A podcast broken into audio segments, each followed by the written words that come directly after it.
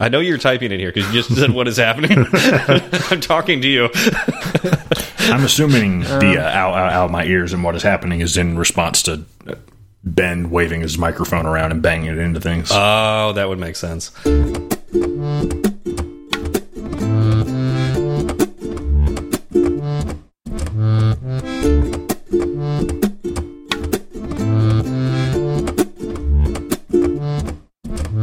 Hi, I'm Chris. I'm Ben. I'm Jordan. And I'm Steve, and this is Fireside Swift. How's it going, Ben? How are you? Hey, um, yeah, pretty good, thanks. I did have some uh, interesting news when I was trying to think of what I can say at the start of the show, and I realised this is relatively big news. Um, so, I my contract is going to be up at Adidas in the next um, three to six months. So um, I was only ever hired for three months, and that was in September 2019. So I've been doing three months uh, rolling until then. But once you get to two years in Germany, because it's a German company, you then you start being allowed to have certain rights that an employee would have, and things like that. So you pretty much, as a contractor, you're you're stuck at about two years unless they move you around. Okay. Um, so uh, yeah, I'm now thinking, bollocks! I need to. Uh, I need to learn Swift UI as soon as possible. So um, wait a minute. All right. yeah. Wait, wait, wait. Do I need a. Is that something I'm going to have to, to bleep out? No, you don't have to beat that out. No, it's fine. They can say it in Harry Potter as you. Maybe I have to bleep it out in the UK version, just not Okay. the US version. yeah, All right, yeah. all right. No, it's fine. Yeah, it's not an explicit word. Um, see now, this, this this this will only really resonate for the handful of people that are listening live. But um, there you go. That's for you. That's for Joe Cab. Um, That's for Joe Yeah. Cab. So basically, um, I'm going to have to learn Swift UI because a lot of the new contracts that are coming up are saying we're refactoring an old system, and now it needs to be in Swift UI, and we and and yeah, I think it's going to take a couple of months of really having my head down and learning, and uh, I'm not, I'm not looking forward it, to it to be perfectly honest. But there you go. So you're you're you're nigh positive that you you will not be able to renew your contract. Like it's just not going to happen. yeah, I, I think there's there's legal issues with having people on longer than than I'm about about to turn over. I'm hoping it'll be six months and not three months, but mm-hmm. I'm having I should really presume it's three months and start mm-hmm. training Swift UI pretty much at the end of this month. So I'm at a professional level in oh, by the time I'm ready to get a new contract, which is just it's daunting. You know, it's just it's.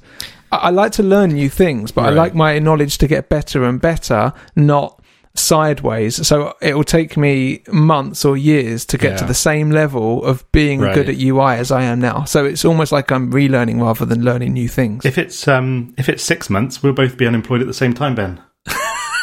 we'll be competing. yeah. Yeah. I know we Yeah, talked good about this. I know we talked about this before, and I know you you said you enjoy being a contractor than being a full time employee. But uh, does this do these times this the, the stress of like thinking about learning something new and like getting ready for that next job? Does that make you think maybe it'd be better to have something that's like a full time employment, or do you still really like being a contractor and and having to go get that next contract? Well, yeah, this one's hit me the hardest for sure. Like I've had jobs that I've liked before, but this one I love the team and and the work is good, and it's going to be really sad to leave. And they they did say I could go and work for them full time, but I'd have to be in Spain or the Netherlands, and we're not in a position to relocate. So. Um, is- so you have to be able to oh, be on site, and they've got sites in both of those countries.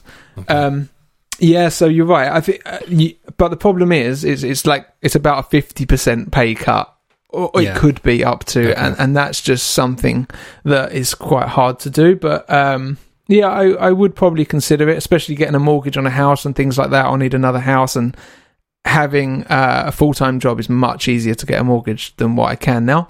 Yeah. So um, yeah, there are pros and cons, but um, maybe that's a conversation for another day. I think. And you just bought a new Um, car, right? So Yeah, I know. I, I yeah, I bought it maybe two days before I found out that the contract has had a, an end date, and I bought it cash.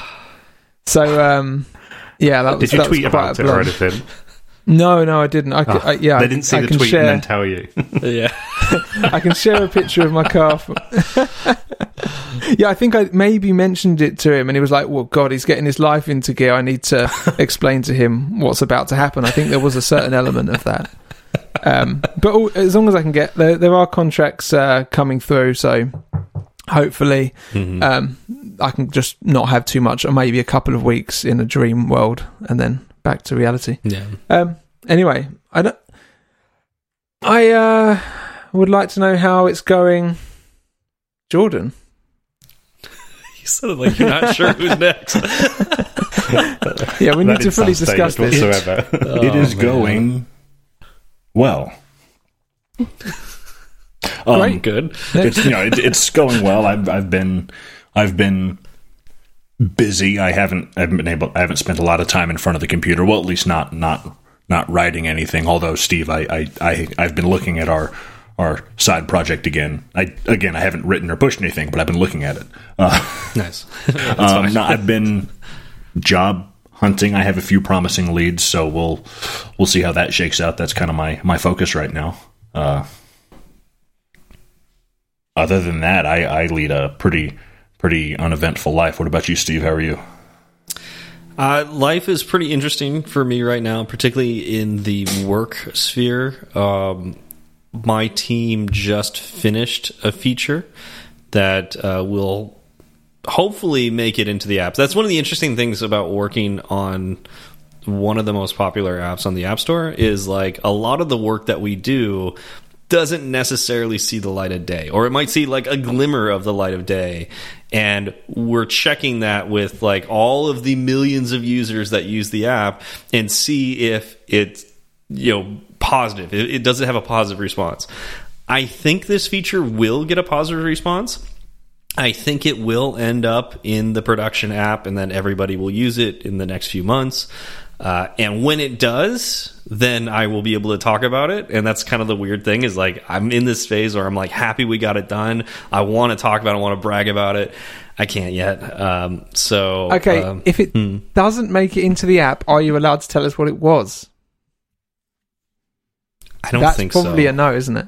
That's uh. probably a no. Yeah. Maybe Yeah, on the that's probably a side no. when we're not live. Maybe on the side, yeah, but uh, not. Yeah, I wouldn't necessarily be able to broadcast that out to uh, my podcast. you know? Oh, it's can't tense. do that. Yeah, um, and then uh, on top of that, uh, I'm working on a, a, a separate team, like a strike team, uh, for something that the CEO wants to have done on the app, and so it's like a an, an initiative that's like a very high priority initiative, and it's something that that's part of the whole app. So it's like all of the teams uh, submitted, you know, like has like one person on this team, and so I'm on the profile team, and so I'm like the the person from the profile team working on this this particular feature, and it's got a very quick turnaround. So it's like we have a month to get it done. And uh, that's another thing that I would absolutely love to talk about. And I'm nigh positive that this will absolutely make it into the production version of the app. And when it does, I will absolutely brag about it. But in the meantime, uh, this next month, I'm going to be probably doing a little bit extra, you know, wor working a little overtime to, to make sure I get it done and get it done right. So busy, busy at work. This, Can't wait. this month. Yeah. Anyways, Chris, how you doing? Yeah, not too bad, thanks, Steve. Um, I've had quite a quiet two weeks actually, so I've had two weeks annual leave, Wow. um, which has been really, really well timed. Actually, um, I'm back tomorrow actually, so and I, I I checked my emails before um, coming onto the podcast, and I've got 442 to go back to, which is just absolutely ridiculous. So not looking forward to to that to next week. But um, apart from that, really quiet couple of weeks. Really spent. Um, ben and I got together a couple of times to talk about our project, and he helped me with a few things on that. And I've been working on that um, as and when over the last few weeks. And last week we've had the kids at home because it's half term over here in the UK. So although we've not been able to go to too many places again because of kind of current restrictions with with COVID and everything, we still got out to a few kind of open parks and things. And then the week before that, actually, uh, my wife and I had two, I think it was three days, sorry, where we were the kids were at school or, or nursery. So we, we um, made our way down to the beach, which was lovely. Um, had been to the beach for um, about six months or so, so that was really really nice. So um, yeah, took the drone with me and had a bit of a, a fly with the drone and just chilled out for about two hours. Just yeah, enjoying. It was quite warm that day as well, so that was really nice too. So yeah, that's when kind of been my When you're flying your drone, do you have the goggles or do you look at your phone? Like, how do you know where the drone is? I wish I had the uh, the FPV goggles. Yeah, unfortunately, I, I've got the um yeah I've, the the phone hooks up to the controller, and um, you can see a live feed of the the the drone from on your phone uh, using one of the the apps. So the I've got the DJI Mavic two uh, Mavic Pro, sorry, the original one, and uh, yeah, you just use the D- the DJI uh, app, and yeah, you just get a live feed. It's um yeah, I, I really really enjoy enjoy it. It's good fun, but I'm just very conscious. I a lot of people don't like them. so Yeah. when you're flying around a beach, I um, Oh, yeah. I kind of Yeah. I took it out to the to the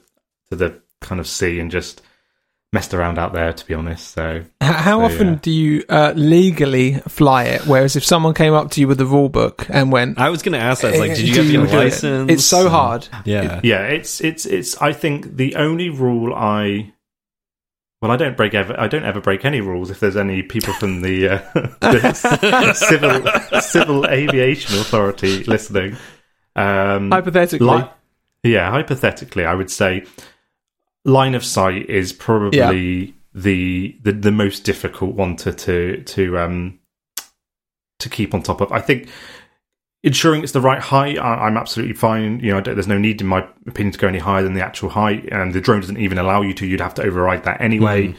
Um, it's just sometimes the distance is probably pushed a little further than than I would have liked. Um, but yeah, I, I, I try to stick to. I've got there's another app that I've got um, that I can view all the legal spaces to fly the drone as well. Um, because you have to be, you can't be within a certain distance of a an airport, for example, or certain flight routes. So I make sure I stick to those because that's you know the last thing I do want is to cause an, a problem with a, an aircraft or something. So Oh, yeah. I'm very very careful with that. But otherwise, yeah, stick to the rules, of course. Yeah, the uh, the rule the rule uh, that I was thinking of is the one that you said. It you need to be able to see the drone at all times. Is is the law actually? And um, um, like just no, like no, I, I my vision's not that great at the best of times. And as soon as it's like you know fifty so- meters away, I can't see it. It's a mini, Like- my one.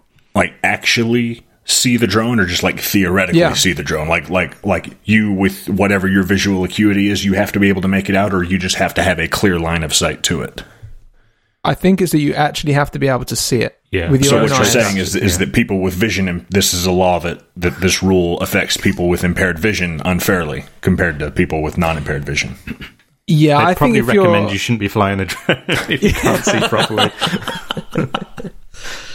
But yeah. Uh, I mean, if it's that far away too, like if if you could see it from your phone, like you see the the through the eye of the drone through your phone, but can't see it necessarily out there, that doesn't mean you can't fly the drone properly, right? The interesting thing is, is they, they you can get FPV drones, so you put goggles on, so Yeah. you therefore then cannot see the drone, but you're supposed to have a spotter. I, I think that's the rules. You're supposed to have somebody next to you who can still see the drone. Um, I believe that's the rule anyway. But Yeah, not okay, well, someone goggles. walking by along the beach probably could see it at, at some point. Like, there's Anyways, usually people uh, somewhere. Anyway, there you go. They're my yeah, they're my spotter. yeah, yeah. Uh, let's let's let's dive into some feedback. Uh, we heard from uh, Tommy Prez. Oh gosh, why am I saying names? Prez Prezi Prezioso. Prezioso? Prezioso? Tommy Prezioso. Uh, I've been loving Fireside Swift season two with, I'm going to say just all the names, uh, all the people here. I I've learned so much about networking and I didn't know or have just skipped. Wait, ugh, I can't read right now. I've learned so much about networking that I didn't know or had just skipped while learning how to code. Can't wait for the next episode. Uh, yeah, I actually think it's kind of neat with our um, our new format, and also Dave Price mentioned this as well. I'm enjoying season two. I do like the long topics. It takes a while to get to the meat of what you want to cover. Uh, what about recording the whole topic and breaking it out into episodes? Easier to pick up where you left off. Long day though so um yeah so it's like you know we're getting positive reviews for like the way the new format is um and you know i'm gonna answer dave here uh i don't want to do like a, a 12 hour long day I did. I did reply to the tweet as well to base to, to say the same thing that I think we, we we struggle with the time zone differences anyway. Yeah. Um, it's it's late in the evening here in the UK, so I think to Yeah. find the time that's suitable for us all already is restricted. So uh, a long, yeah, it doesn't really feel Yeah, we doable for us. But we do understand why why the suggestion's been made. Definitely. we already record this at the least convenient time of the week for me. So yeah, exactly. Uh, but but the you know what is cool is unlike where Zach and I would just pick a random topic each week, we're expanding on the topic that we talked about the previous week, which is neat. You know, and we're going to do that growing. this week. We're growing, and we're growing Yeah. with you. Um, so yeah, I'm glad that you're enjoying the the new format, and uh, I don't see why we would stop stop it anytime soon. So we're going to keep the party rolling. Uh, we also heard from Ben G from the LPC. Uh, I would love to come on the podcast and tell you all more about the app. Plus, me, uh, Ben, and Joe Cab have some unfinished business. You know who the champ is supposed to be. I, I think it wasn't Joe Cab. It was um, Ben Golke, right? So we need the Bens. Yeah, it was the three It was the three Bens, The, wasn't the three trifecta. Bens. So I don't know how Joe Cab uh, weaseled his way into the the Ben episode, but uh, somehow that Typical happened. Joe Um, Cab. Typical joke Cab. so, uh, yeah. Okay. So, anyways, uh, I, I'll let everybody know uh, in on a little bit of a secret. We do have in the works the plans for a Ben episode. This will happen. I'm going to say it officially now. This will happen. I don't know when it will happen because schedules have to work out, but uh, it should probably happen soon. Especially since Ben is all uppity about his UFC stuff. Uh, apparently, he wants to challenge everybody and just wants to get in the ring with anybody. Uh, do I have that right, Ben? Yeah, absolutely. Yeah. Okay. Yeah. So that's, Bring it that's on. that will that will happen. uh, uh, anyways, uh, we also heard from Stewart Lynch. Uh, unless I'm mistaken, I don't think you mentioned that you need to call dot resume on URL session. This caught me uh, more than once. Uh, Yeah. Actually, you know what's funny is on the last episode, we're talking about URL session, and in the back of my mind is like, I gotta remember to say call resume at the end. And I kept telling myself that over and over and over again. It's just like when I'm actually coding and I'm actually working on URL session, I tell myself this as well. And guess what I always forget? so not only did I forget to say it on the podcast, uh, Yeah. I always forget to put it when I, I code as well. And I'll run my code, nothing will happen, and I'll look at it and go, "What? What did I do wrong?" And yeah, so when you create a uh, URL session task, like we were talking about, uh, make sure you call resume. Which is the weirdest name, I think, but uh, you have to call dot resume at the end Yeah, of because creating it your hasn't task. already started. right, You're resuming yeah. something that isn't already in progress. So it is a bit like the API is a bit odd for that. Yeah, it is. It is very odd. It, So- it is the um, the translates auto resizing masks into constraints of URL session. No one remembers to set it to false. yeah. Is that just me? I mm, I don't know, but anyways, that's yeah, that's that's that's uh, something I forget to do all the time. Chris, were you thinking about that too, or uh, I didn't even notice that in your notes? I don't think it was in the notes, but again, I think I, it's something that I've obviously aware of because again, when I've done it in the past, I wasn't sure about when to, to when to do it or not.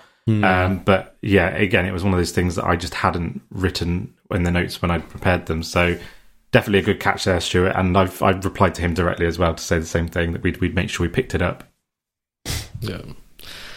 All right, and uh, last but not least, we heard from Brevin Blaylock. Now that we know how to say his name, uh, really liked hopping in on the live recording when I was able to. One downside of that, though, is already hearing the show or already hearing the after show.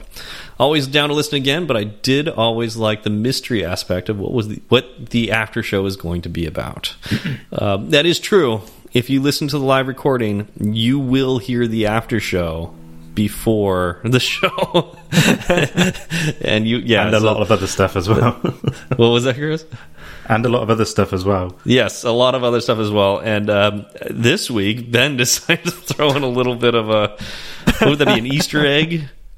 Yeah, a few, a few f bombs and and the like. Um, yeah, I think uh, this is something quite awesome that no one, that not many people will know that we did. So once we we were, we are streaming this one live on a Twitter Space, and we did last week. And as soon as um, it was, as soon as we'd finished recording the show and stopped recording, we then changed it so that anyone could speak on the Twitter Space, and all of a sudden. All of us lot, your podcast hosts, were now talking to you one on one, which must have been ridiculously like ludicrous for the people that are on there. I think it was mainly Joe Cab and Jason was on there, and a, and a few others. Um, and we had that um, lady from Pakistan as well, I think. Mm-hmm. And um, yeah, it was really awesome. I had I had a great time speaking to people, and yeah, that was a. I'm glad we did it, and uh, if we have time, maybe I'll do it again. We'll see. Yeah, yeah, that would be great.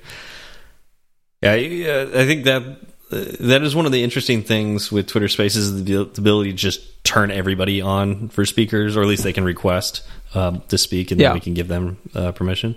Uh, I'm really looking forward to when we don't have to do this ridiculous setup where we have our headphones and our uh, our, our shirts just so we can get the microphones there. Um, I'm looking forward to being able to connect my headphones to the or just just to have my my headphones out my podcasting headphones on and use the Yeah. podcasting microphone and, and go through the, the website which apparently is going to happen soon. So that'll be sweet. Very exciting. yeah. Anyways uh so jordan. So, Steve,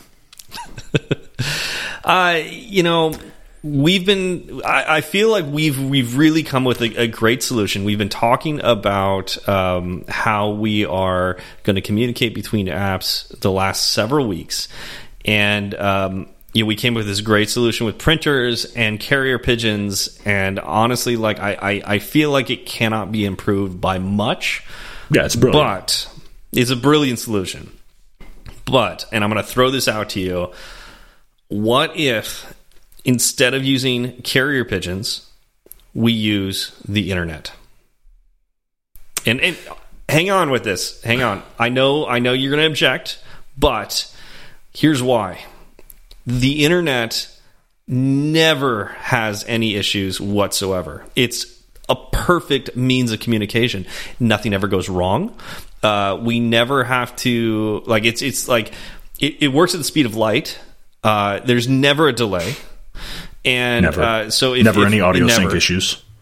no audio Yeah. sync issues whatsoever um, and we just we just don't even have to think about things that go wrong because nothing ever does um, whereas if we used carrier pigeons like we were thinking um, we might have to do something like error handling um, you know like what happens if uh, uh, the pigeon gets lost or gets eaten by a stray hawk um, Or, if the pigeon uh, makes it there, but the but the the message the message has been like like crumpled up along the way, and you yeah, can't what if read it, it. rained? Yeah, like Yeah. what if it rained? Well, yeah. So then we'd have to like, I don't know, like uh, f- figure out like like use uh, uh, uh, uh, what is that called? Uh, where we can we can like reconstruct the message from like the bits and pieces of it. Um, we'd have to do something like that. I believe But that's referred to as a puzzle. Yeah, yeah, exactly. Uh, if we use the internet, we would never have to worry about any of that, right? Yeah, totally. Yeah. The Right. only the only issue I see with using the internet. Mm-hmm. How do you get the pigeon in the Ethernet cable in the first place?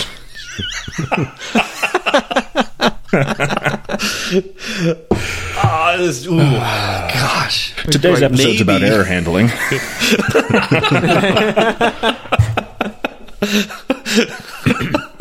Thank you. Uh, I'm thinking meat grinder. I think we should have a time um, limit on some of these. yeah. no, no, no, no. The the the segue gets as much time as it needs, Chris. Joe you. Cam just said, I'd be surprised if Steve has any idea where this is going. or where he's going with this. Classic. Uh, yeah, so we, we we've talked about uh, what it looks, you know, what what what the API looks like on the server side, what the API gets used, you know, what it looks like on the client side, which is our iOS app, when we make the request to to the server. Uh, but what if something goes wrong? you know, uh, we were joking in the segue, but you know, the internet's not perfect, you know, and this is something that uh, we have to deal with on a day to day basis when we are writing our iOS apps. Is you really cannot trust this this connection we have, you know, with the server. It is uh, very error prone. You know, it, it could time out uh, you know, something could go wrong where the bits get scrambled. You know, it doesn't that doesn't happen often, but it can. You know, uh, there. Uh, you know, what else can go wrong? Uh, you know, Jordan, you had the whole list of things that could go wrong. Remember? Um, Oh, all the I know you said like three episodes in a row. Yeah. you said three Yeah, we episodes need to in a get row. I a love it so t-shirt. much. Only one of those is. Well, yeah, but I mean, Um, you know, only you're one right. of There, there's there's a we we I think we could sit here all episode and list things that could go wrong and not get to them all. It's true. yeah. So we should probably So, talk um, about the ones that are most common. Mm. Okay. I, I, I, I would like to, yeah, I'd like to discuss uh, the the most common ones, and I'd also like to start at the back end, effectively. So, um, I'm trying to think of so in terms of error codes, we we're dealing with error handling, so it could be anything in the 400 range and 500 range. Is that right? 300, Yeah, 400, 500, right? 300 Um, as well. I See, I'm learning here. I actually don't know. Well, Jo- the- Jordan, you had your, different your ranges cheat that sheet. well. Remember, it was like th- yeah, well, no, it's not was, a cheat sheet. It, it's in my head. Yeah, th- uh, th- three three hundred errors are like they're like telling they're, it. You run into three hundred level errors if like trying to access a resource you're not allowed to access stuff like that. So it's like Um, a if you- forbidden if- type. yeah, thing. yeah. If you don't have if you don't have permission to be where you are, um, 400 error codes are the client making an error. You know, the client requesting a resource that doesn't exist. Um, requesting an endpoint that that's you know mis- misspelling an endpoint would, would do that sort of thing. And then 404 then- famously. yeah, like a 404 not found. Perfect example. And then the 500 level errors are are server side errors. That would be if if you ever see a 500 error, that's because that typically would mean that your your client made a valid request of the server, and the server ran into some sort of error and and couldn't give you the data you were asking for, or you know, like that. And we say, we say error codes because um, when we are using, um, I guess what is it, the HTTP, you know, Yeah, those are all HTTP hy- errors. Yeah, it's hypertext transport protocol. Do I have that right? transfer protocol. Yeah. transfer transfer protocol. Transfer. Um, so, is it transfer or Yeah. transport? Transfer. I thought you said Anyways, uh, oh, okay. Transfer. I- transfer. Okay. Um, so, so when we use that No, protocol, um, this is just you know part of that protocol. So when you receive your response back, one of the things you get in that response, which is an object, you know, it's an object that you will see. Um, you know, uh, it, oftentimes this happens under the hood for us. You know, when we make our URL session uh, request, we will get back a response, an error, uh, po- possibly an error, and um, and then data. And in that response, you can parse that response out and get a code. And that code could be one of these numbers that we're talking about. You know, if it's in the 200s, then it's great. Everything's good, usually. I mean, I, I can't think of any 200 that's bad, but um, there's a whole bunch of them. I mean, it's usually only 200. Well, I, I often mainly see 200 as successful, but are there other versions of successful? Not that we're talking about these. There are. I mean, there's there's like a thousand possible error codes there. Sorry, a hundred Yeah, possible or- error codes or success there. codes. Yeah, six, or, Yeah. yeah. hundred possible codes there in the 200 range. I mean, so th- there's room for a lot of them. I, I I can't think of. I mean, just 200 Yeah, I've su- gotten- successful, but I'm sure there's others. I I just don't know remember what they getting are. a. I remember getting a 203 once and going like, "What is this?" And and there was a reason. It like had a specific thing around it. So something to think about. And this is a really common uh, error that a, a, a newbie iOS developer can do is to say, "Oh, it's only a success if it's 200." So you say the code equal equal 200, we're good. That's not actually the case. Anything in the 200 range is good. So something that's something to think about. Don't just you know determine success on if it's 200. If it's 201, it's also good. If it's 203, it's also good. So something to think about. Chris, it looks like you have something to say. And just to just to talk about that that range as well. So I'm confused slightly. So does that do, are there like 220 response codes, for example? Like, Yeah. Does it does it literally range from Up to 200 up to 299. I 299 and then I think in 200, just like oh. most of, of those ranges, I think there's big blocks of those that are not assigned any particular meaningful error message, but but a 200 level error code, yeah, is anything from 200 to 299. Yeah. 400 Yeah, and I guess we shouldn't call it an error error code because it's it's not necessarily an like- error code. It's it's the code response code. Um, It's a response code, Yeah. yes. They're just you Yeah. I'm you never you, you don't you just don't think about them that much unless they're errors. Right, right, exactly. And and so and, and Ben posted something in, in Slack, so it looks like he's got a little. He, he did a little searching on Google, um, but I, I'm seeing some of the 200 levels. We got 200 is okay. 201 is generally considered created. Uh, 203 is non-authoritative information. I, I, yeah, I don't even know what that means. 204 is no content. So it's like it's successful, but like it's just also informing you that there's nothing here, nothing new to see or, or something. So, what would be the difference between a 203 then, a non authoritative information success response, against a 401, which is an unauthorized? So non-authoritative information doesn't necessarily mean you're not authorized to see it. It just Yeah. Whereas Yeah, if that's you're not an, that's not an error. yeah, if you were receiving that that Yeah. that four whatever you said that 401 unauthorized, you're you're getting that code back, and you're also not being given any information back. You're Yeah. you're you you're not being Okay. handed the information you requested along Right. with that code. sure, that makes sense. And here's another thing So- too. These are Yeah. guidelines. It is very possible that on the back end, your back end engineer could screw up and send you a 401 with all the information that you asked for. Or do the opposite, give you a 200 and give you absolutely no information. so, Yeah. some So of I- the It's helpful. You, you you would be amazed at the the number of creative ways I can screw things up. Yeah, and it, it go you know it goes the same for the client. You know, you could get the 200, you get the data exactly the way you expect it to be, and mess up your uh, you know like your codable object and get nothing. You know, like that's. That's the, that's the, the key thing with engineering is there's so many ways to screw it up.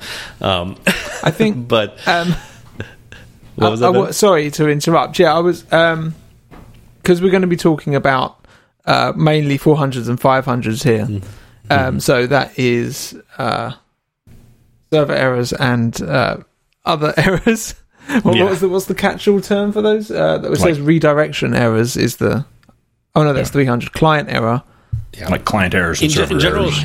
That means that in- we've in- done in- something in wrong. general. I like the way Jordan had said this. Like the, I think it was last episode and the episode before it, which was uh, 400 is the client did something wrong. 500 the server did something wrong.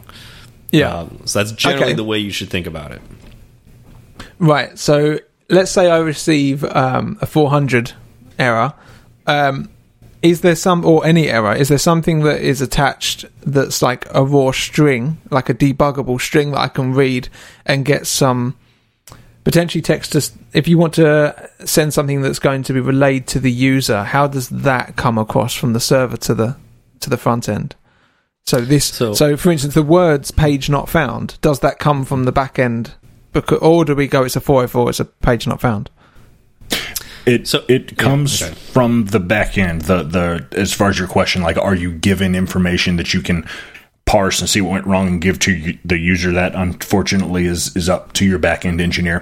It is completely possible to to send to it's completely possible to send an HTTP response. You know, I could send one with a with a you know a 404 uh, status code on it and send just that. I can send I can send a response that is empty except for the HTTP headers and the 404 status code. And that's it. That's all that's there.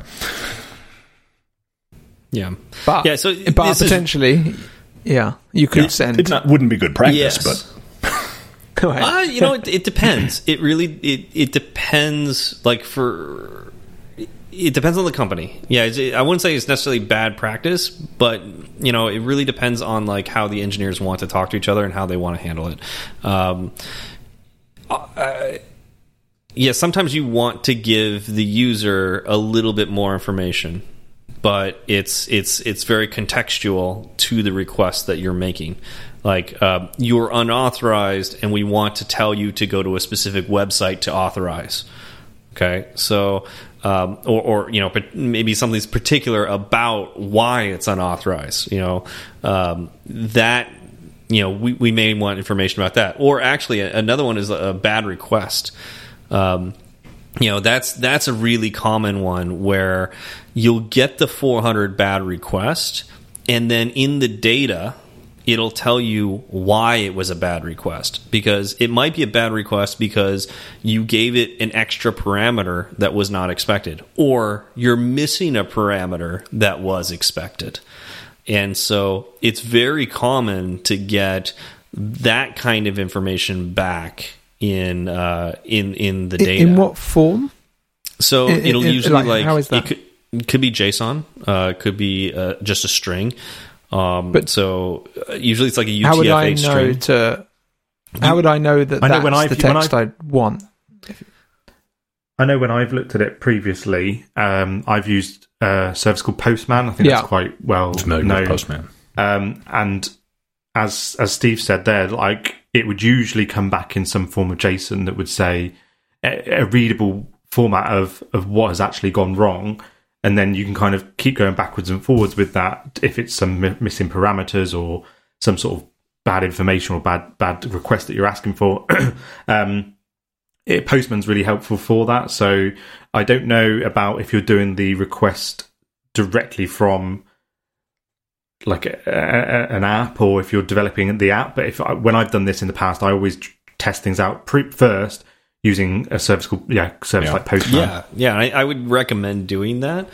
Um, let's. Oh, Jordan, you have something to say? Go ahead. Oh, so yeah, it's it's it's helpful to do because one, it's just a just a, a useful tool for for you know testing responses rapidly. Number two, it does Postman lets you see really all the data that comes back. You can see the headers. You can you can see everything. Speaking to what you said earlier, Chris, about you know sending the data back as as JSON data, I think. I mean, you say that and. I think to myself, well, that's a good idea because, you know, we're talking about how do we handle these errors? How do we display information to the user? And I'm thinking, well, if worst comes to worst, you know, from a, from a, like looking at this from a web development perspective, even if I just send back JSON that you don't know what to do with, a web browser can display raw JSON. So if nothing else, there's that. Mm-hmm. Absolutely. And, and when it gets sent back, so let's use the example of we are iOS developers, we are using URL session, and we we send a request. We have a URL, URL session request that we resume and we send, and we have that uh, we got that completion handler. That completion handler is going to return us back the response, data, and an error. And all of these are optional. So we're going to get them something. It's going to call that completion handler, and then we've got these three optional variables that that are going to come back.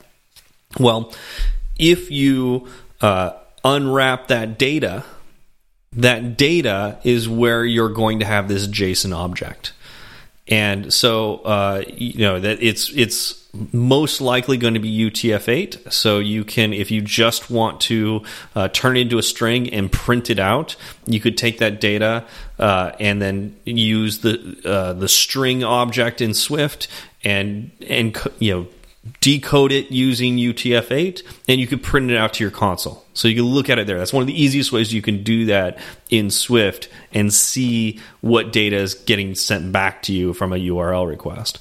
Um, but to answer Ben's question that he had earlier, how would you know that this even exists without even trying to do it yourself?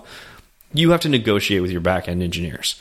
So documentation is really important having conversations with your backend engineers um, and and also like just uh, past patterns you know? So if it worked on one you know url in the past with a particular api it should probably work in future you know uh, api endpoints. Yeah.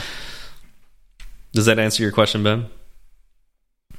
It does for the most part. Yeah, my, my brain's still not like clicking on a certain part, um, which is probably key to this episode, and it's the actual error object we receive. Um, yeah, so so I, I'm in, I'm trying to find actually what the API is for that error, and I don't know what it is. It just a standard Swift error object? It comes back as Um, a an error. Um, I think it might be an NS error, but I, I Yeah. I be- yeah, I believe it's an NS error. I've, I did some research into this before the show, and it, I believe it comes back as an NS error. and NS errors So- have a code to them. But here's the thing: there's there's other errors that could occur that are not network errors. And if memory serves me right, the error that comes back from a, uh, a URL session uh, request is not a network error. If I remember right, that error that comes back is like if it's an internal error, not like if it if it if it gives you a four if a 400 comes back, that will be in the request or sorry in the response object, not the error.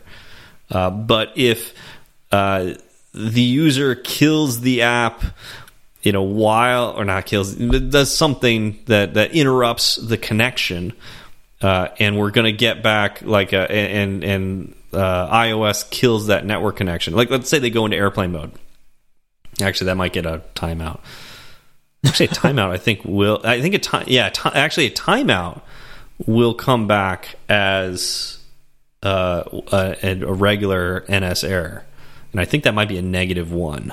Is what that will say on that NS error.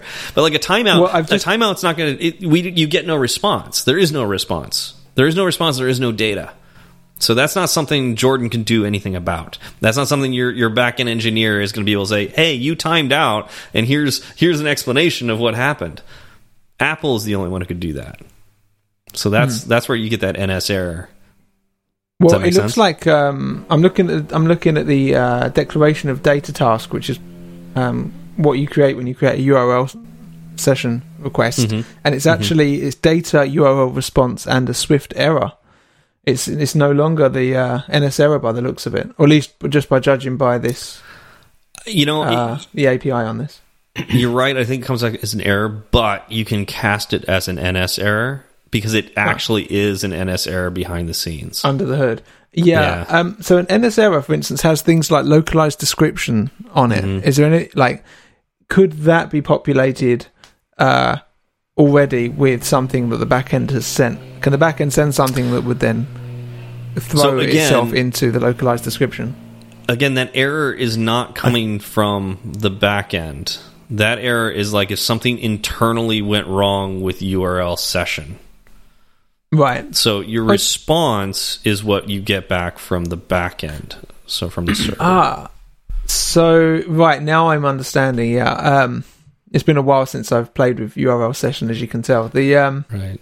So if if it has uh, if it has failed on the back end, the error object would that still be nil? Because you'd be looking at the response. You actually got a okay, response. That's yeah. good to know. So so here's what's interesting. This is where my brain got a little fuzzy, and I had to like think back to when I've used URL session. Uh, third party frameworks like Alamofire do some of this work for you because you would expect if I got if I failed to get a positive response, if I failed to get a 200 back, I should get an error back because I'm thinking of it as an error. Yeah. Alamofire will wrap that response in an error Nice. and return an error to you. Thank you. yeah. So they'll they'll do that and like timeouts and things like that become errors. And so it's like now it's like you either get the response you're expecting or you get an error. Um, which is you know and in that response I think Alamofire wraps the data with a response together in one object. yeah. But Yeah, that's not it the case sense. with URL session. URL session is a little more raw. You don't have to do that. You don't get that. So uh, something Yeah. to think about. So the first thing you do to ever handle if it's from your backend is you look at the response and then you can usually switch on the error code is what most people do. So you do a switch on the. I, I actually forget the exact uh, API for it. Is it? Hef, have you looked at it? So how does how does the Swift um, response uh, give you the uh, response code? Is it just called response code? So I think it's something like that.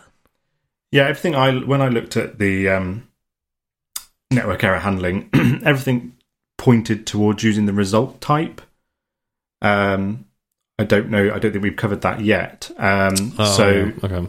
that covers. Really? So so result was introduced in Swift five, so it's relatively relatively new. and yeah, but that's so, that, that's going a little bit past Ben's question though. Before we start going down that rabbit hole, because I think that's a great rabbit hole to go down. Mm-hmm. Um, Yeah. Result is after you've determined whether or not this has been successful. And what Ben's saying is like, so we get this response object back when we uh, when we uh, make the request. And it's going to give us a response. Again, there's three that three objects that could come back in that completion handler. We get the response, the data, the error. Yeah. Um, and that response object, the question is, where's the what, what is the exact shape of the code? And I don't think any of us have that that right in front of us, and I don't want to be. I- like, I do, actually. Oh, you do. You found it. Great. if What we're if it? we're talking about so um, if we're talking about the uh, how we're getting the error code from the URL response, there's there's a base class of URL response, and there is a commonly used subclass, as they put it, which is called HTTP Hmm. URL response. This contains um, a sta- uh, status code, which is an int, and it's the, the response is HTTP status status code. So that's what you would use then. So you would actually switch on response dot status code or status code. Um, and then each of your cases, from what I've seen, is usually you would kind of do a catch-all for a particular, like a 400, 500, like 200, 300, 400, 500, Can and handle do- each one differently. I, it's. I don't think I've ever done this because I think I usually use if else statements for this. But can you do a range um, in Yeah. switch cases? Okay. Um, I'm pretty sure I've seen that's how it's done. now you're saying it, I'm doubting myself, but I think Yeah. you can do something like that. I feel like there is, but I just haven't. I don't use that because typically I, I I will either let um either let Alamofire handle this for me, or or or Yeah. whatever other framework my my company is using. Um, I I I. Yeah, I I typically don't don't do this kind of work anymore. no, yeah, that this is the thing. I mean, you do this when you first set up your kind of uh, a back end service, and then you just use that service for the rest of the lifetime of your app, and don't often have to touch it Yeah. because if you do, it will break everything. yeah. um, so uh, Hef, oh, sorry, go on. Oh, so yeah, with with what Chris was talking about, once you once you have this an answer to yourself, I, I either got a successful re response back from the, the network or something failed, you know, and uh, you know, it, it- one of these things, one of these two things happened. What I'm going to want to do is send back a result to uh, whatever was initially asking for the, this data from the network. And that's where the result object comes into play. And what's interesting about the result object is that uh, it is it, it, it contains a generic uh, two generic objects inside of it. Uh, there's the generic success object and the generic error object or failure object, um, and that's uh, I don't even think the failure object does that need to. Do you have to specify that, or can I think you don't have to specify that? I think it's automatically set to error as a default, like Swift error. Think I think so. Yeah. Okay, but you can yeah, you can I, I think specify it is. if you Yeah. want to. yeah. Okay. Um, but anyways, uh, what you can do is uh, that way, whatever's actually asking, and this is getting a little bit meta here, but like whatever's asking um, the network request, you're going to want to return one kind of thing back to it you know whatever asked for it. And in this case your your result uh, your type that you're returning is this result type. And the result type is either going to be success or failure. Okay? And so what you'll do is once you've received the information from the network and you've gone, you know, you switched through all the different response types, you've you've gotten your data, you've decoded it into uh, you know using codable, you've decoded it into a Swift object that like a struct that you want to use. You then want to say the result it, you know this i'm going to create a new result object i'm going to say that it was either success and then I put my my struct, my newly formed struct in there and return that. Or I want to say that it was a failure and I want to say whatever kind of error it was. And then uh, send again, send that result object. Does that make sense? And that failure will conform to the Swift error type as well. Right. Usually, I mean, you can you can get creative with your Swift error type, but Hmm. oh no, actually, I think it the failure has to be a Swift error type. But I yeah, think you- I think you it's a must. Yeah, yeah. That's to conform to Swift because Swift error is a protocol. That's what's interesting Yeah, about so- Swift error is it's just a protocol. Yeah, and I think it comes with uh, a few. I think it's got some defaults, but for the most part, you would you would create your own enum, and Mhm. then you would call it, for instance, network errors, and then all of your cases would be, uh, you know, bad data, not received, and so on, and then that's what you would actually create and then send out to the uh, to, to the receiving object. I think Yeah, I it's don't worth think mentioning as well that that, yeah. that error that you create again would have to uh, conform to the Swift error protocol. Um, Yes. Yeah, when when you've declared that. And I think one thing that I found when doing that as well is you can put a much more readable version of that error um, to some if you because obviously we're thinking about this problem probably from a developer's point of view, but from a user point of view, you might want to display something in a bit more of a understandable way to to that user if you wanted to display an alert if you got a certain error for example Yeah, and um, what? Oh gosh, is it associated type? What it's called when you use an enum and you Yeah. add that to the case.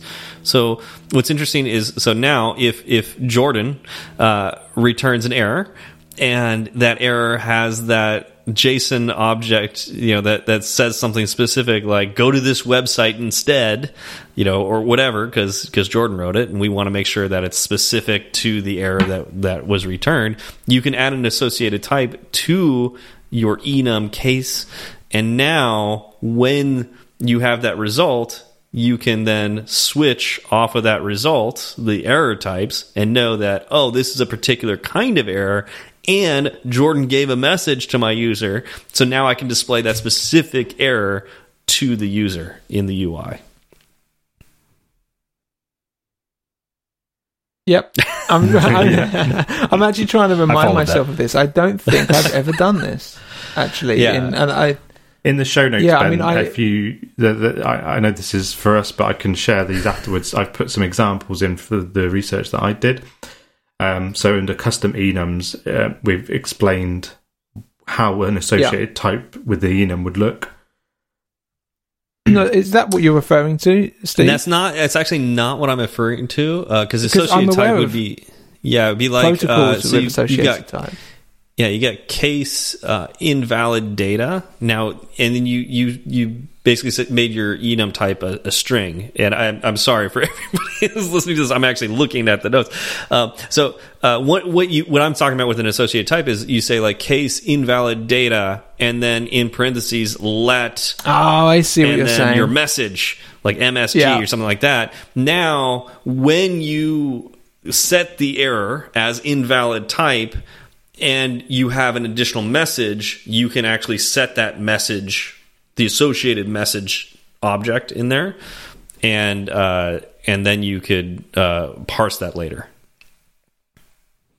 Yeah, I think I got confused by the term. So they call it associated values because I think they don't want it to be okay. confused with protocols with associated types, which Okay. is actually the key word is associated type. Um, Hef, has this has, has this made any sense to you? Yeah, no, no, Um, I can- absolutely. um, yeah, so that I, I didn't understand what you were saying, but now, yeah, you'd have your case, and and then you just say, okay, this case is also going to contain this struct or this int and or this string, Mhm. rather than saying this case is this string. Yeah, if that makes Yeah. sense. Um, yeah. Yeah. Okay. Where where are we up to now? So we're we're actually quite a way along. we? So we've Yeah. sent sent an, um, sent an error from the back end. The back end has looked at the data because the error is nil, and Mm-hmm. it's gone through the the status codes, and it's for instance got a five hundred, and then you would.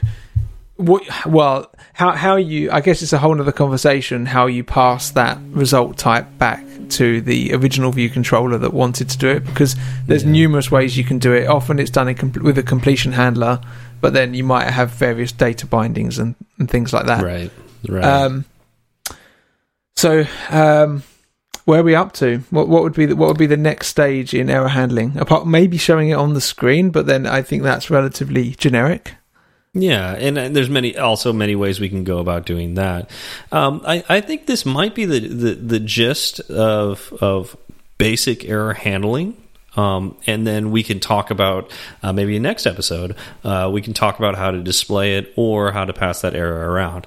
Um, uh, is that good for everybody? Yeah, Yeah. I found this quite Yeah. inter- very interesting actually. Yeah, we're slowly building an app in audio format. Yeah. Cool.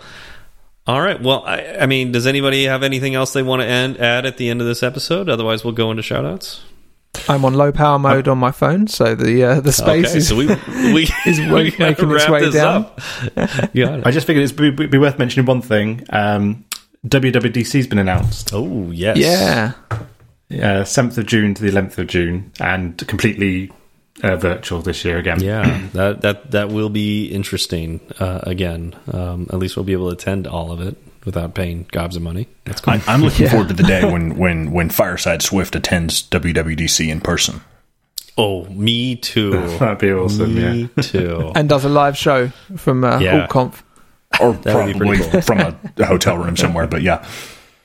Yeah. I, we might have a live audience. I mean, we'll see. It- you know, that's what we need. Everybody who's listening right now is to uh, get on Twitter and re request, uh, or at least you know, start start requesting uh, AltConf to let us uh, record live when the next uh, actual live conference is. That'd be cool. Well, we never tell anyone. We we, like. I don't think you've ever said to people share the show and get other people to listen. That's true. Like that is something. That, so for anyone listening, please just go go on Twitter or on Facebook or whatever, and just and, and feel free to say this this is uh, worth listening to if you like it. Um, that Yeah. I think it would be appreciated. I mean, don't get carried Yeah. away now. I'm sure these people have lives, Ben. Our listeners, Yeah, right, the, the listeners, not us, not you and I. Right. No, we don't have lives. I agree with that. Uh, speaking of listeners, uh, let's let's hit some shout outs here. So it, this is really interesting. Uh, we've actually got three new shout outs since uh, the last recording. Uh, so the first one, this was April 6th from, and I don't know if somebody fell asleep on their keyboard here or this is their name. It doesn't look like this could be a name, but uh, please forgive me if it is. Uh, R E S F J K B. Um, I don't know. Okay, so I'm going to guess this is supposed to be love the new lineup, but it's actually live the new lineup. So that's cool. We're going to live it. Uh, season two introduced an all new Fireside Swift lineup, and it is great to hear new ideas and points of view from the team. Chris, Ben, Jordan, and Steve are all at different stages in their development careers, so all add an interesting perspective on the weekly topic. It's great to hear the weekly so dot dot dot from Steve with the added bonus of wondering who he's going to make suffer each week, especially as I drink out my Fireside Swift So Zach mug. wow. That's a five star review, by the way. Uh, yeah, thanks. Man, I, I love that uh, somebody's actually getting enjoyment out of that Fireside Swift uh, mug. I need to get one I, of I, those. I think I think Zach rolled his eyes so heavily when I pointed out that the other side of the mo- mug says "So Zach." Hang on a It's got, the, it's got the Fireside Swift logo on the front, and on the back it says "So Zach." Do you have any? Do you have any left? I I need yeah it's yeah you can order from the store right now. oh, yeah. come on. I'll order you one, Ben. Yeah, save me, save me some money in shipping. But I'll, Yeah. uh, yeah, I'll still send you the money. Uh, let's see here. The second one is from W.D. Allen. I assume it's W.D. Allen. Instead, of, it could be W. Dallin. What do you think? W. Dallin? I thought it was W doll N, but W. Doll N. I like that. Uh, this is a, another five star review. April second. Uh, awesome, comma thanks. I'm just starting to learn networking, and your chat about URL session was very educational. It's nice to listen to this during my evening walk. I spend too much time sitting in front of my Mac. For some reason, having three people instead of two seems to make the whole podcast much more dynamic. Thanks for a five star episode. How about four? So who have they? yeah, and, and, and you, you are very welcome from three of the four of us. Yeah, w- yeah. Which one? Uh, Yeah. Are you not happy with? I was curious about and maybe too. he's just heard us announce. He's only listened to the episodes where we said from now on there's only going to be three, and then there, there never was. We're, never we're, we're gonna parse this. We're gonna parse this down one day, and we're gonna get to to some non four person episodes. We promise. I think it's possible that uh, my voice has just been on too many of these episodes and it's just fading into the background, kind of like the airplanes that have been flying over my house. I don't even hear them anymore, but I did hear, or I did see in the Slack channel from the live feedback that, like, right after we introduced ourselves, an airplane flew over, and. Wow. so it's like I don't even hear them anymore, but uh, they definitely show up on the recordings, which is hilarious. Great. Yeah, so my guess is I'm the one that's uh, getting fading out, and you guys are the the three people. Uh, we Thank also you. heard from Rick Lowe, uh, and uh, I, I know we've talked to Rick Lowe before. Uh, very familiar. Uh, March 30th. Glad you're back. Five star review. I started listening to Fireside Swift right before the episode stopped last year, so I'm happy to be able to listen again. It helps as I'm trying to learn Swift. Well, thanks, Rick, and uh, hopefully you actually do learn from us. Yeah, thanks everyone. I can't. That is so unfortunate. Starting to li- listen to the episode, starting to listen, and then it just stops for six months or so. At least there's a back catalogue to listen to. that's true. Yeah, yeah, Yeah. true. Well, that's all we have this week. Thank you all for coming out, and we will see you next episode. Cheerio. Thanks for listening. Adios. It's such a good feeling to be back with you, cause second season was long overdue. Let me introduce you to the new Fireside crew. Chris and Ben are the English blokes who correct your grammar and tell witty jokes. Jordan is the baritone. Steve's the one you already know. Zach left to spend time with the shorties. Raise a glass or tip your 40s, giving props for the last three years and for helping out so many peers. Now let's get down to business. Let the four of us beg your forgiveness for excruciating segue puns and mistakes that might confuse someone. Twitter's great if you heard us slip, or if you want to share a pro tip, we're at fireside underscore swift at fireside underscore swift. You can message the entire ensemble, or just one of us if you're more humble. We'll leave our handles in the show notes for you, and get back to you real soon. If your message is a little too long, there's firesideswift at gmail.com and firesideswift.com. Firesideswift.com. If you like the show, leave a review. If it's five stars, we'll mention you on the very next show we do in a fortnight or two.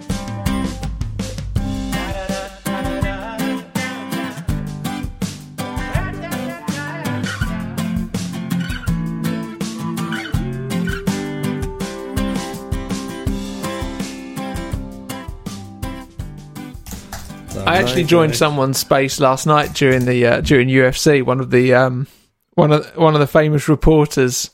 I don't know if you guys know a guy called Ariel Helwani, but he's like a mixed martial arts journalist. And I joined his space and said hello to him last night, which was oh. quite funny. It- I did just- get a notification yeah, I on was my just phone randomly sitting that there. you joined something, so I got that. Twitter oh, really, Oh, really? wants us to, yeah. Twitter really wants us to like join each other's spaces. So even when you join some God, you wouldn't wanna- stranger's space, yeah, yeah. That's weird. Like, no, like Yeah. there was about I don't know about 800 people or something in there just listening to him just talk to various fans that are watching the UFC that was currently playing. So it was quite cool to like rather than listen to the commentary, just to hear this live chat going on. Because I I had once trained with the guy that was in the co-main event, so I was able to like talk about that and actually have something to contribute. That's interesting. Wait, so you wanted to do UFC? Uh, no, no, it was um, it was a local jiu-jitsu uh, academy, Uh, and um, okay. every like Thursday afternoon or something, he would travel down and um, and train there. And the and the guy who is now seventeen and one is undefeated in the UFC. I think he's top ten. It used to just uh, like it, I wasn't any good, Wait, and he was just he- kind of he helping be me, and we were doing drills together. And how can he be seventeen and one and be undefeated? Because he not every fight that he's had is in the UFC. The UFC is a promotion, so he's he's lost once Okay. before he got into the UFC and is defeated uh, un, undefeated in the UFC. So I'm, I was really excited, and I spoke to Ariel um, while he was fighting as well. So it was my heart was actually racing. It was quite a quite an exciting moment.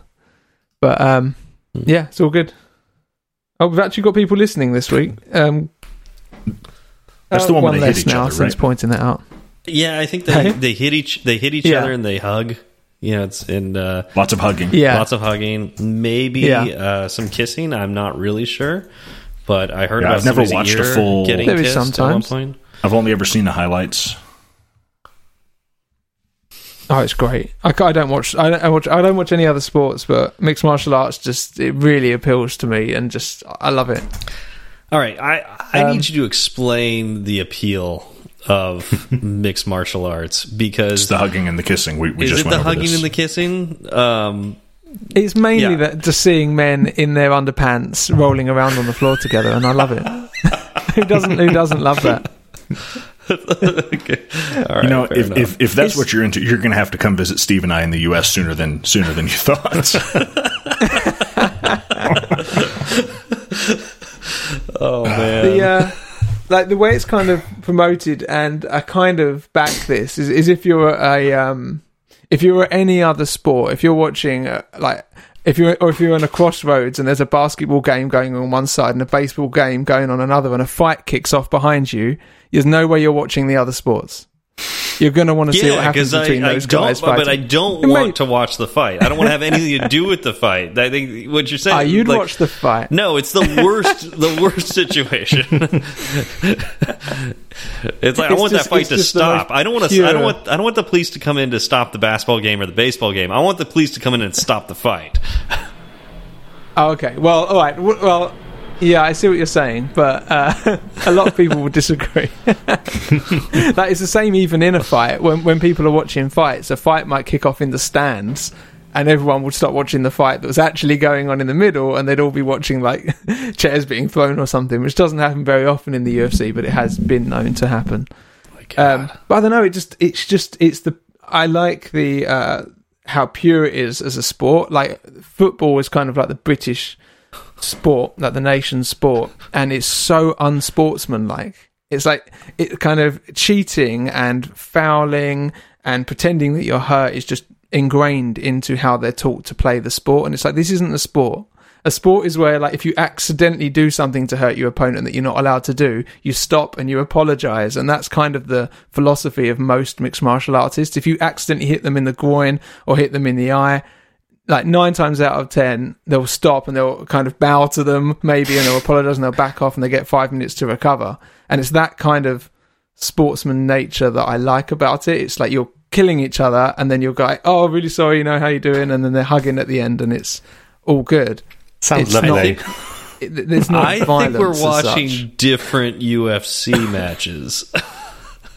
because Yeah, potentially. I- yeah, because like I, I think every single fight I've seen somebody do something that that definitely is not allowed, and the announcer will say, "Oh, that's not allowed," but they got away with it, and they're like hit. They'll the the the buzzer will go off or the ringer, whatever you know, the the bell will go off, and they'll they'll punch each other still, even though they're not allowed to. They'll bite each other's ears off. They'll people will like kill each other in the ring. Literally, like here's why I say it's it's absolutely not sports.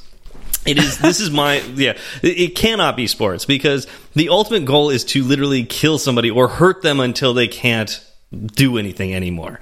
Whereas like a sport is like I want to get a ball across a line, right? Like that's where like football is more sportsman like. It is literally I want to get a ball across the line.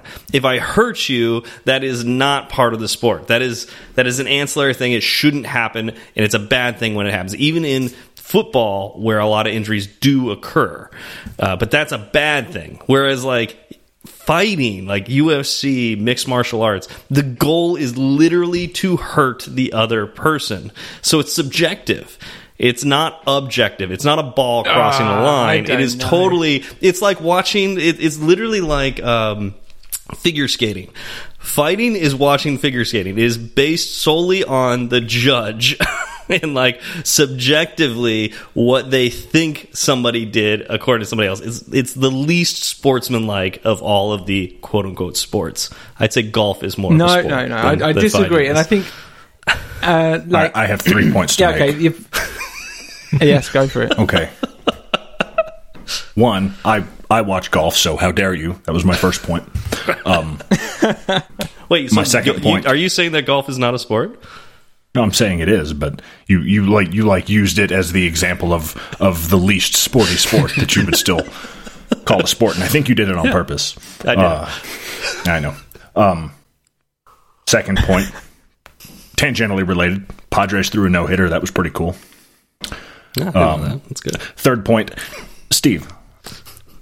How come I didn't get a hug when you hit me in the eye? I I thought Oh, I did this? give you a hug. I'm pretty sure we did. I don't think. I don't think you did. Were you in your underwear? It's a good question. I think he was. we were drinking a lot that night. Were we? I can't remember. It wasn't in anger. Was it in anger? I don't think so. You were beating me at a video game, I was. so I guess there was a little bit of anger there. So is the lesson not to beat Steve at a video game? Yeah, but that's easy. I don't want to say that's the lesson because because beating Steve at video games is one of my favorite things to do. It's true. Um, I would say the lesson is really a lesson for Steve because because when Steve learned that that he couldn't he couldn't beat me at that particular video game in that moment, he decided he was going to play unfair and and and Well, see, tackle this- me. see, this is a perfect He- he- example. he- so he I tried to was tackle being, me. I was being a bad sportsman because I was, was. turning it into UFC. If I had been Yeah. a good sportsman, it would have been purely on the field, which the field was digital. But Yeah. no, I you- you decided, I decided You to start a mattered. Fight he because was a bad sportsman Yep. and started a fight. But I know you you haven't you haven't met me. I'm I'm much larger than Stephen. So then the fight wasn't fair. So then so then he decided to get unfair again and he punched me in the eye. he, he cheated twice That's what it comes down to. in like a two minute span. I'm And who, and who won the game? I did. Yeah, George still won. Didn't make a difference. Anyways, what were you going to Who say really before won Ben? though? Well, no, look, that I, I think that just that explains that it, it all comes down to that really. No, no one cares who can hit the hit the ball into the back of the net. It when it really comes down to it, they want like if they fight, who's the one that's going to come out and is going to be alive at the end of the day? Who who is the one who is God, hopefully everyone's alive. their- Yeah, at hopefully their skills. Well, alive. hopefully they're all alive. But also, like your your point about injuries and hurt, hurting them. Okay, yeah, potentially hurting them is is the goal. Is one one of the potential goals. But you will get far worse injuries in American football, in rugby. Like there are there are almost no in the UFC. There's never been a death. There's never really been a serious injury other than a Wait, broken wasn't there bone. a death the other like day? there's far it's far safer than boxing. I thought I remember in the No, news, like UFC literally, is a like promotion. like a few weeks ago, like somebody in the UFC died in the ring. No.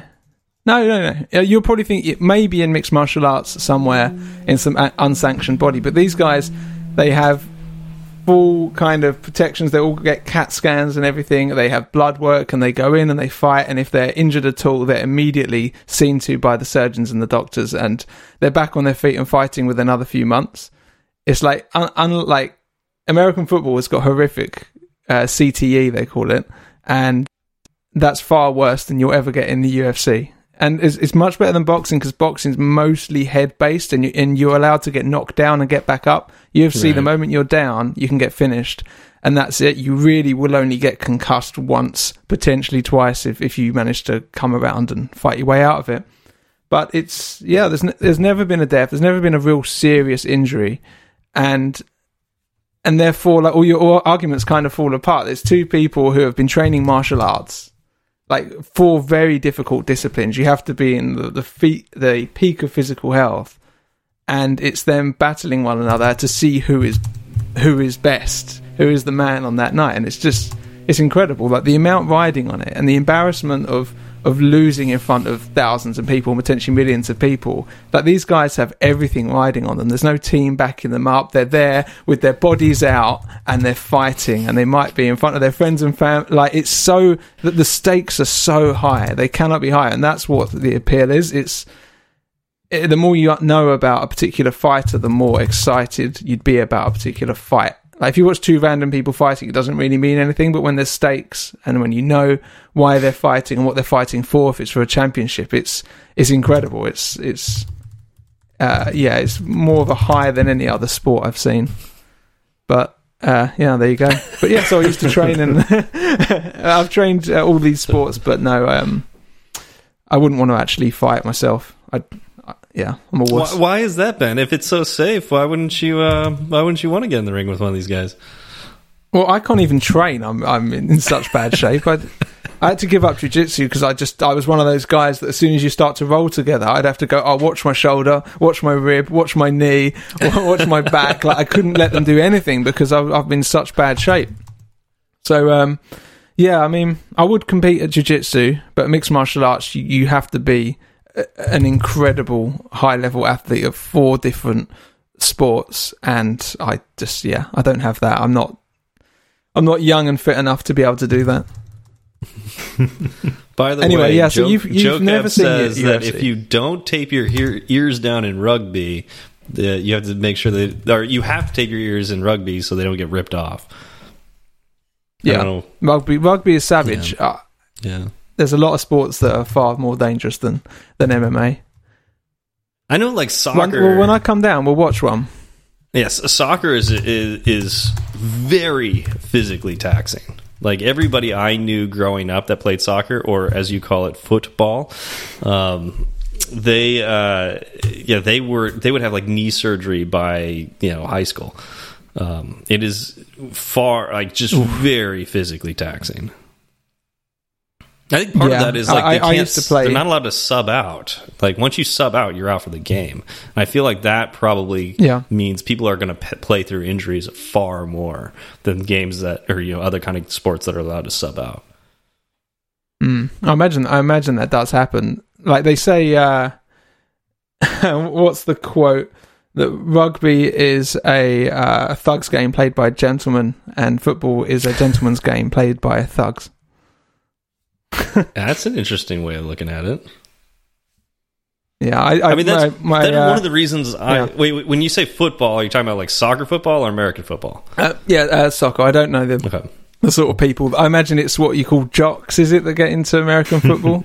Yeah, because it'd be the same thing, like thugs playing there. Yeah, because one of the interesting things with American football, which where I could actually see that as a gentleman's game, is because it is a chess match. Like, and this is this is why I like watching American football because uh, when you every time they do a play, there's a different formation for the offense, there's a different formation for the defense, and ev especially in the NFL, everybody is at a, such a high enough level that strategy starts to take over. Like you might have the best quarterback in the world, but uh, you know you're also playing against the best defensive backs and the best linebackers, and so now it's it's more about how do you position that best quarterback to have the highest percentage of getting the ball passed to the right place to make enough yards. You know, so it's like it becomes a very cerebral game, whereas like Yeah. games like soccer and rugby and those games they're really neat and they're fun to watch they're more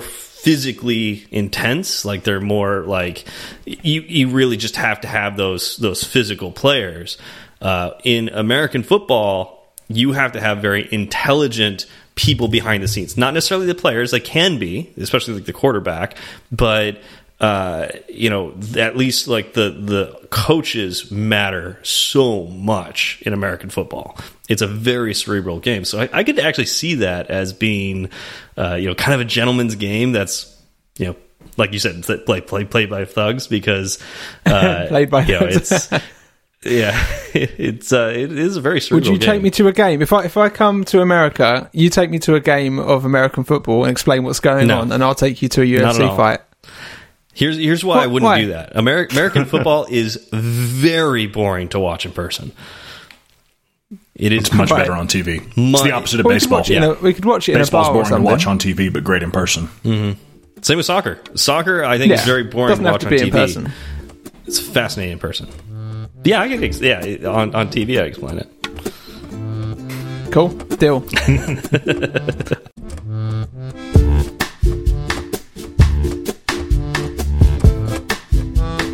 Ding. That's for that's for Mr. Mc- McSwift face.